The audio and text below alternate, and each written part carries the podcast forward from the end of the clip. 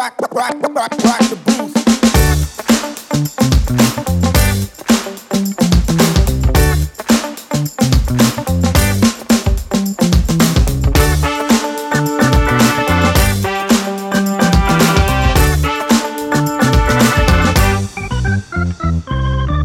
hai semuanya, jumpa lagi bersama Ayumi di DDTC Potex, Making Tax Fun for Everyone. Kali ini Ayumi akan ditemani mengobrol dengan Mbak Gita Arashi Harwida. Beliau merupakan dosen dan juga peneliti di Fakultas Ekonomi dan Bisnis Universitas Trunojoyo, Madura. Penasaran kan Ayumi akan berbincang apa dengan Mbak Gita? Yuk langsung kita sambungkan. Halo Mbak Gita, apa kabar Mbak hari ini? Halo Mbak Yumi, apa kabar juga? Alhamdulillah kita baik di sini. Alhamdulillah. Di sana juga sehat-sehat semua. Sehat-sehat eh, semua Mbak Gita. Nah ini kan eh, Mbak Gita tadi ngomong di sini di sana gitu ya. Jadi eh, para viewers belum tahu nih kayaknya Mbak Gita sekarang berada di Bangkalan Madura begitu ya Mbak ya? Ah, betul, betul, Iya. betul. Kondisi eh, Bangkalan dan Madura sendiri eh, saat ini bagaimana Mbak Gita? Alhamdulillah sih Bangkalan dan tiga kabupaten lainnya itu nggak di zona merah gitu ya. Tapi tetap sih harus tetap waspada. Iya baik. eh, ya harapan kita bersama kan memang eh, COVID-19 ini cepat berlalu begitu ya eh, Mbak ya? Berlalu, uh, uh, Iya. dan semua bisa kembali normal walaupun dengan new normal ya. Betul sekali setuju Mbak Gita. Nah, Mbak Gita kita kan hari ini akan berdiskusi mengenai isu pajak yang sedang hangat sekali diperbincangkan ya, yaitu mengenai diskon insentif eh, pajak penjualan barang mewah atau PPNBM kendaraan bermotor khususnya mobil. Nah, ini kan tadi kita juga sempat berbicara mengenai pandemi COVID-19 begitu ya. Ternyata memang eh, pandemi ini juga eh, sangat berdampak pada industri otomotif. Nah, berdasarkan data dari Gaikindo, ini angka penjualan wholesale mobil pada 2020 itu menurun sekitar 48,3 persen nih jika dibandingkan tahun sebelumnya, tahun 2019. Nah, dalam mendorong pemulihan industri otomotif tersebut, ini kan pemerintah juga tengah menyiapkan ya aturan eh, mengenai eh, PPNBM 0% untuk mobil yang eh, rencananya akan dimulai pada Maret 2021 mendatang. Nah, insentif ini kan diharapkan akan meningkatkan daya beli masyarakat ya terhadap eh, mobil baru. Nah, dalam konteks tersebut, oleh karenanya eh, kami di DTC Potex ingin eh, mencoba menggali perspektif dari Mbak Gita nih sebagai akademisi mengenai insentif PPNBM mobil yang nantinya akan eh, diselenggarakan oleh pemerintah. Seperti apa sih eh, skemanya dan bagaimana sih implikasinya terhadap sektor pajak dan ekonomi secara eh, lebih luas begitu. Nah, ini kan eh, sebelum banyak eh, mengulas ya Mbak ya. Ini kan diskon PPNBM mobil 0% ini kan menggunakan skema ditanggung pemerintah atau DTP dan juga dapat dimanfaatkan dalam jangka waktu 9 bulan secara bertahap. Itu perkembangan terakhir seperti itu begitu ya Mbak kita ya. Nah, bisa dijelaskan nggak sih Mbak secara singkat bagaimana sih sebenarnya skemanya? Oke oke, makasih Mbak Yumi. Ini tuh memang menarik banget ya. Dan memang eh, walaupun sudah pernah kita dengar eh, tentang terkait akan adanya diskon PPNBM mobil, cuman memang akhir-akhir ini kan tambah ini tambah gencar karena Gencar, memang mungkin ya. karena mau dilaksanakan di bulan Maret ya. Udah Ya. tinggal berapa hari lagi nih bulan Maret ya kan. Ya. Jadinya eh, banyak yang bahas di mana-mana kayak gitu. Saya pun ik- mengikuti beritanya dan yang pertama memang eh, yang mungkin eh, teman-teman mungkin penasaran apa sih yang namanya pajak ditanggung pemerintah gitu ya tanggung Ya, betul. pemerintah tuh maksudnya apa jadi jadi kalau kita lihat di istilah bakunya di pajak ditanggung pemerintah itu ada di PMK 225 2010 itu definisinya itu sebenarnya adalah pajak eh, yang sudah pajak ditanggung pemerintah artinya itu masuk ke dalam belanja belanjanya atau anggarannya pemerintah. Jadi dianggarkan di APBN seperti itu. Jadi eh, yang dimaksud dengan itu adalah itu tidak akan mengganggu penerimaan sebenarnya seperti itu. Itu sih. Jadi Oke. intinya itu eh, pengertian dasar dari DTP nah kalau Ya. terkait dengan eh, skema DTP ter- yang PPNBM untuk mobil baru itu Ya. rencananya akan dilaksanakan tiga tahap selama tahun Oke, 2021 ini dan kita kan bilangnya diskon jadi diskon dari tarif PPNBM-nya Betul. tahap pertama itu rencananya yang kita sudah tahu di akhir-akhir ini adalah Maret sampai dengan Mei diskonnya tuh 100%. Jadi eh, selama 9 bulan itu insentifnya atau diskonnya itu nggak sama. Ya ada. Oke, ada, ada 100%. Yang 100% berarti tarifnya jadi nol, seperti itu. Gitu. Ya, betul. Berarti juga eh, rencananya eh eh, pada akhir- akhirnya kan harapannya masyarakat bisa memilih begitu ya. Eh, Ya. Kira-kira akan membeli mobil baru ini eh, di bulan apa gitu, di skema yang Hmm. mana begitu ya.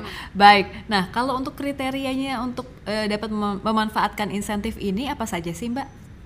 Nah, eh, memang eh, jadi yang insentif ini memang tidak diberikan ke semua jenis mobil baru. Jadi kalau misalnya kita dengar highlightnya cuma bilang PPN BM mobil baru bakal 0% gitu ya, itu kayak generalisasi banget ya. Padahal eh, rencananya itu bukan diterapkan untuk semua jenis mobil baru. Jadi ada beberapa kriteria yang saya ketahui dari literasi yang beredar beberapa minggu terakhir ini itu adalah eh, yang pertama adalah CC ya.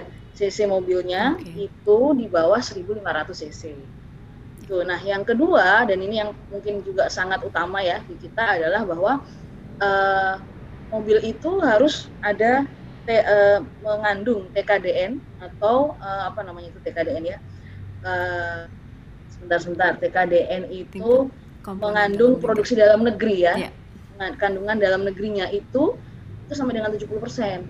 Jadi kebijakan ini memang mendo- untuk mendorong produksi yang ada di dalam negeri, mobil-mobil yang memang diproduksi dalam negeri. Jadi kalau untuk mobil yang built in itu masuk ke Indonesia udah build up, build up udah berbentuk mobil, masuk Mobil, udah mobil gitu, itu nggak termasuk dalam eh, diskon yang sekarang ini gitu. Tidak termasuk ya. Jadi Jadi karena masyarakat juga jangan salah salah kaprah begitu ya, Nah, ya. gitu. Heeh, jadi nggak semua mobil yang oh semua mobil nih enak nih 0% nih semua yang kita beli nggak. Bukan, bukan. Jadi memang Ya. pemerintah sepertinya memang menyasar pada kepentingan kita di dalam negeri, untuk stimulus yang di dalam negeri, produksi dalam negeri. Baik, nah menarik Mbak mengenai tujuan insentif tersebut ya eh, Mbak Gita. Nah kalau dari pandangan eh, pribadi Mbak Gita sendiri atau sebagai Hmm. akademisi terhadap kebijakan insentif ini bagaimana Mbak? Itu tujuannya kan tadi baik sepertinya ya. Kalau menurut Mbak. Gita sendiri bagaimana? Ya, benar. Yang pertama, yang pertama sih eh, yang jelas sejak kita pandemi ini kan pemerintah di bidang perpajakan ya, khusus kita menyorotinya yang di sini di bidang perpajakan itu memang banyak sekali insentif yang sudah dikeluarkan ya dari awal pandemi dari berbagai sektor pajak, dari berbagai model atau berbagai macam wajib pajak juga ada insentif sendiri-sendiri seperti itu. Nah, mau tidak mau memang pe- yang pertama memberikan insentif itu pasti ada konsekuensi kita eh, penerimaan yang akan hilang ya walaupun dengan metode Ya. walaupun dengan skema mungkin yang ditanggung pemerintah lah namanya Ya. atau apa pun namanya tetap yang namanya kehilangan potensi eh, penerimaan itu pasti ada nah termasuk juga dengan eh, yang terkait dengan PPNBM ini diskon Ya. PPNBM mobil mobil, mobil baru ini kalau kemarin menurut keterangan dari kementerian ya, dari Pak Menteri sendiri maupun dari dari staf ahli, staf khusus beliau Pak Justinus Prastowo itu saya melihat salah satu keterangannya adalah memang ada potensi sekitar eh, 1 sampai 2 triliun ya untuk eh, PPNBM-nya saja. Namun eh, beliau eh, memberikan ini apa namanya?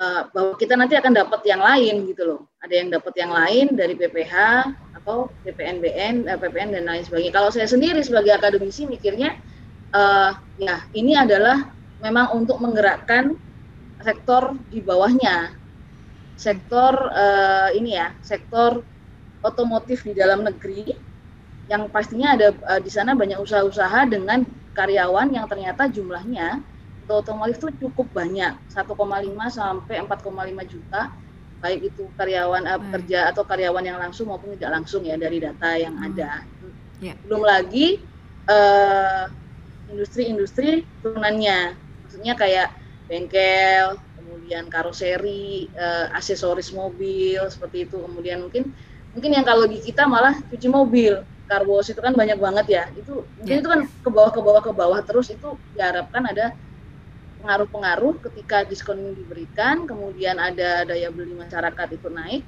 Betul. terutama daya beli dari masyarakat yang disasar kita lihat sendiri tadi kan untuk sesinya 1.500 ke bawah Betul. ya. Nah, itu kemungkinan se- teman-teman apa masyarakat yang dari kalangan menengah yang selama ini nahan-nahan untuk beli mobil itu mungkin akan kepikiran untuk beli karena selama ini mungkin nahan konsumsinya seperti itu. Oke. Jadi jadi itu sih Mbak kalau saya rasa uh, di antara sebagai akademisi saya melihatnya ada yang hilang tapi ada yang datang. Datang tapi juga, sejauh begitu. mana kita masih nggak tahu. Mungkin nanti ada ada apa ya kajian-kajian riset lagi terkait dengan hal-hal itu. Mungkin itu sih Mbak kalau dari sisi Oke. saya sebagai Baik. akademisi. Iya, eh, tadi kan ada yang hilang, ada yang datang begitu ya, eh, Mbak Ana. Nah, kalau dari dari yang datang ini, ini nanti eh, proyeksinya akan dari pos perpajakan mana saja nih, Mbak? Ini kan kita hilangnya dari PPNBM begitu ya? Hmm, hmm. Eh, ya Pak. Jadi kalau PPNBM ini kan eh, salah satu komponen yang ada di harga jual mobil ya pastinya. Betul. Dan ini eh, kalau kita lihat di aturan yang masih berlaku sekarang memang cukup lumayan persentasenya gitu ya, lebih ada yang lebih gede bahkan dari PPN sendiri. Jadi kalau kita mungkin kalau teman-teman yang beli mobil pasti lihat bahwa komponen harganya itu ada PPN-nya, ada PPNBM-nya ya kan? Iya.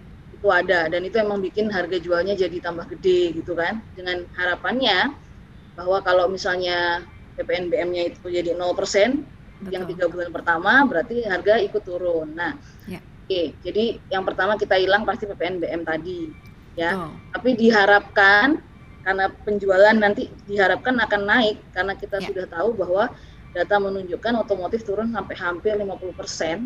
Ya. Diharapkan yang sekarang dengan adanya eh, diskon ini penjualan wholesale-nya bisa meningkat ya. Meningkat Mungkin kembali. bisa diharapkan sih sampai seperti sebelum pandemi. Tapi kalaupun Ya. tidak, at least itu naiknya lumayan gitu ya. Apalagi yang Ya. 0% itu kan di saat-saat mau lebaran ya, libur lebaran, puasa yang biasanya di situ tempat-tempatnya pada beli mobil gitu ya.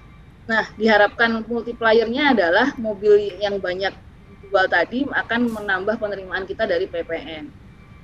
Dari PPN ya. Ya. Ada lagi, Mbak Kemudian- Gita? Mm-mm. Ada lagi ini, apa namanya? Sekarang ini kan kalau saya dengar teman-teman yang bekerja di otomotif itu ada yang shiftnya jadi nggak penuh kan? Mereka Oh, shiftnya nggak penuh. Jadi kalau Iya. misalnya nanti produksinya tambah banyak, mereka shiftnya penuh. eh, jadi penghasilan apa namanya gaji mereka penuh, kita bisa generate PPh 21 karyawan di situ. Oke. Kemungkinan ya itu bisa ikut naik. Terus nanti kalau misalnya untuk usaha jasa-jasa PPh 23 ikut naik. Seperti itu. Terus diharapkan lagi secara keuntungan, mungkin secara eh, penerimaan di pendapatan-pendapatan badan usaha di otomotif ini juga naik. Semoga PPh badan juga bisa naik juga gitu, bisa ikut. Nah, Betul. itu untuk pajak pusat ya. Pajak daerah juga dari biaya balik nama kendaraan bermotor Betul. dan pajak kendaraan bermotor itu bisa diproyeksikan juga mereka bisa ikutan naik.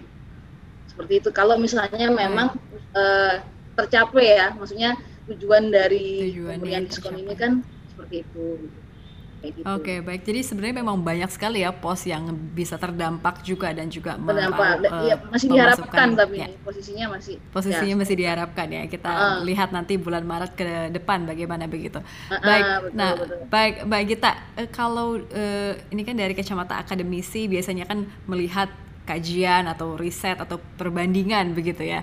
Nah, apakah ada international practice Mbak terkait dengan insentif diskon PPNBM eh, mobil ini khususnya pada fase pemulihan ekonomi saat ini? Baik mungkin eh, bentuknya PPNBM atau pajak tidak langsung lainnya begitu, Mbak Gita. Oke, ya Mbak. Eh, jadi eh, memang menurut keterangannya dari Pak Menteri Menko, juga Menko Perekonomian dan juga saya juga melihat dari apa namanya eh, literatur yang lain, memang di negara lain itu sebenarnya sudah melakukan insentif-insentif perpajakan yang terkait dengan otomotif ya atau mobil. Gitu. Eh, negara tetangga kita Malaysia itu sudah eh, sudah melaksanakan juga itu jadi eh, untuk tapi eh, di Malaysia itu ada yang dia memberikan insentifnya tidak hanya mobil yang dirakit di negaranya tapi juga yang dirakit dari luar jadi kayak yang build up itu juga dikasih nah yang menariknya kalau negara lainnya kayak Eropa kemudian eh, Thailand, eh, Cina kemudian Korea Selatan itu mereka lebih ke eh, mobil listrik Mobil listrik lebih ya. ke eh, insentif lebih banyak diberikan kepada mobil-mobil yang listrik. Nah, Kalau kalau menurut saya sih ini memang karena memang produksi mobil di negaranya itu memang sekarang lebih ditingkatkan untuk memproduksi mobil listrik. Jadi tetap sih untuk ke produksi dalam negeri juga sebenarnya, cuman jenis Betul. jenisnya beda sama kita. Kalau Iya. di kita memang kan kalau mobil listrik masih komponen impornya lebih banyak posisinya. Jadi kalau untuk memang untuk produksi dalam negeri ya, saya rasa sudah tepat untuk untuk yang sekarang ini ya, maksudnya yang 1500. Dengan tadi kriteria yang eh, disampaikan ya Mbak ya. Hmm, dan memang untuk yang TKDN itu banyakan kebanyakan itu memang mobil-mobil dengan CC tersebut yang diproduksi di Ya. Indonesia. Jadi sekitar 60% dari yang dirakit di Indonesia itu memang mobil-mobil yang 1500 cc ke bawah. Gitu. Oke baik, ya jadi sebenarnya eh, untuk international practice itu sudah banyak begitu ya yang eh, juga Dilakukan. menerapkan praktek Heeh, eh, untuk eh, insentif eh, kendaraan bermotor begitu. Tidak Hmm. hanya di negara maju, tapi negara-negara berkembang juga eh, ikut ya eh, Mbak Gita ya. Satu lagi Thailand, Mbak. Thailand juga. Ah Thailand juga. Heeh, juga. Oke, baik sudah banyak eh, ternyata ya international practice-nya. Nah, ini eh, terakhir nih Mbak Gita. Apa aja sih Mbak kira-kira yang perlu diperhatikan nih oleh pemerintah dalam eh, mengimplementasikan diskon eh, PPNBM 0% mobil ini agar dapat efektif dan tepat sasaran? Ini kan harapan kita bersama ya. Ya, Nah, ya. kira-kira catatan dari akademisi itu apa aja sih Mbak Gita? aturan itu apalagi untuk eh, yang implementasinya butuh cepat ya cepat dan pengen supaya efeknya juga cepat maka yang pertama adalah simplifikasi di administrasi. Itu Wak, harus wajib. Baik. jadi maksud saya eh, semoga saja nanti peraturan yang akan akan di yang akan dikeluarkan itu simple tapi juga bukan berarti gampangan gitu. Jadi simple tapi bisa mudah dimengerti tapi memang bisa sudah mencakup hal-hal yang memang penting gitu loh mbak. Itu memang nggak mudah ya bikin peraturan seperti itu di di mana di level pelaksanaan. Ya jadi di administrasinya jadi dari dari dari para pe- pelaksananya itu jadi wajib pajaknya juga nggak kebingungan gitu loh. Saya bisa masukin masuk yang diskon apa enggak? Misalnya takutnya nanti pas di lapangannya eh, si dari si dealernya atau mungkin dari pabrikannya sendiri dia masih Iya. bingung mobil yang ini masuk nggak ya di kategori itu misalnya ya. Semoga saja eh, simple gitu loh mekanismenya. Iya. Verifikasi juga simple gitu ya jadi insentif ini banyak ber- berdampak gitu. jadi Baik. memang bisa me- me- mencapai tujuannya gitu mbak itu sih itu kalau Ya, mungkin dari itu yang paling penting ya, karena pajak Mbak itu ya, simplifikasi administrasi. Ya, karena pajak itu kan dari dari yang namanya pajak itu biasanya atau birokrasi itu biasanya sangat sangat itu ya, sangat akrab dengan agak kes, agak ribet di bidang di administrasi ya. Semoga saja untuk insentif-insentif ini termasuk yang ini yang mau jalan ini, yang PPNBM mobil ini bisa simple gitu ya. Jadi sama-sama bisa menikmati hasilnya itu dengan laptop cepat kelihatan gitu loh. Baik, eh, Bu- Mbak Gita. Nah, ini sekarang closing statement nih. Ada closing statement apa nih dari Mbak Gita?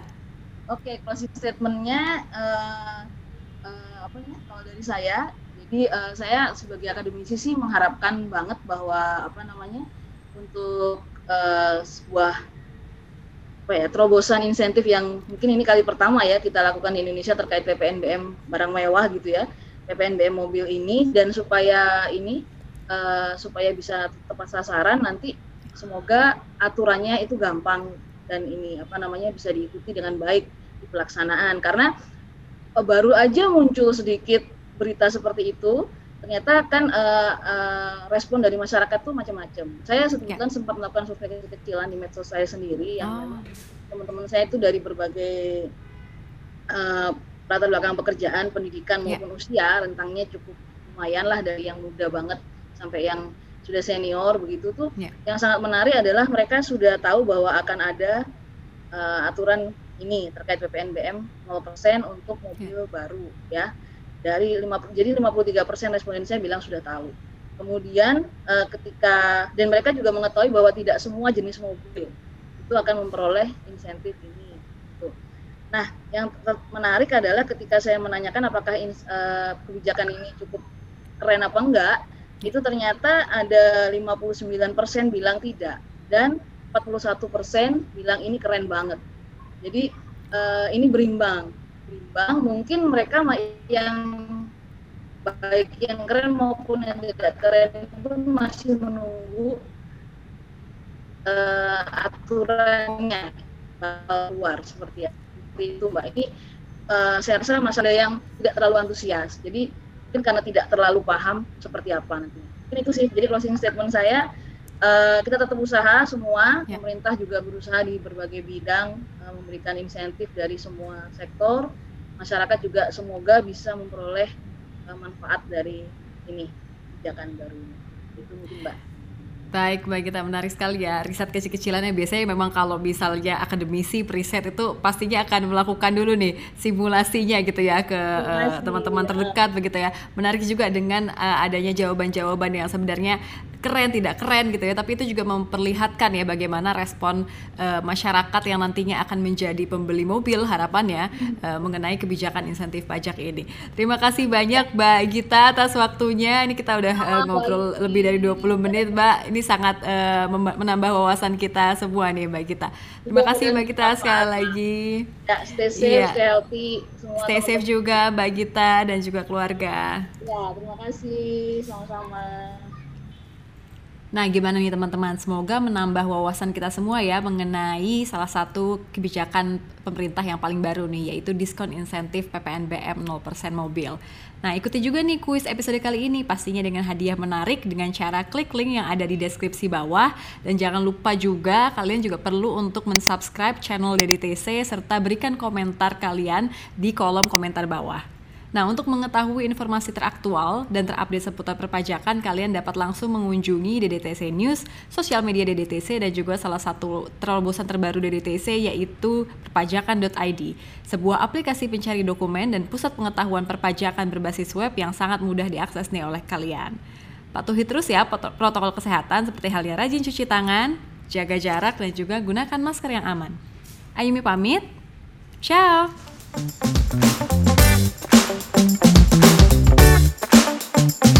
Thank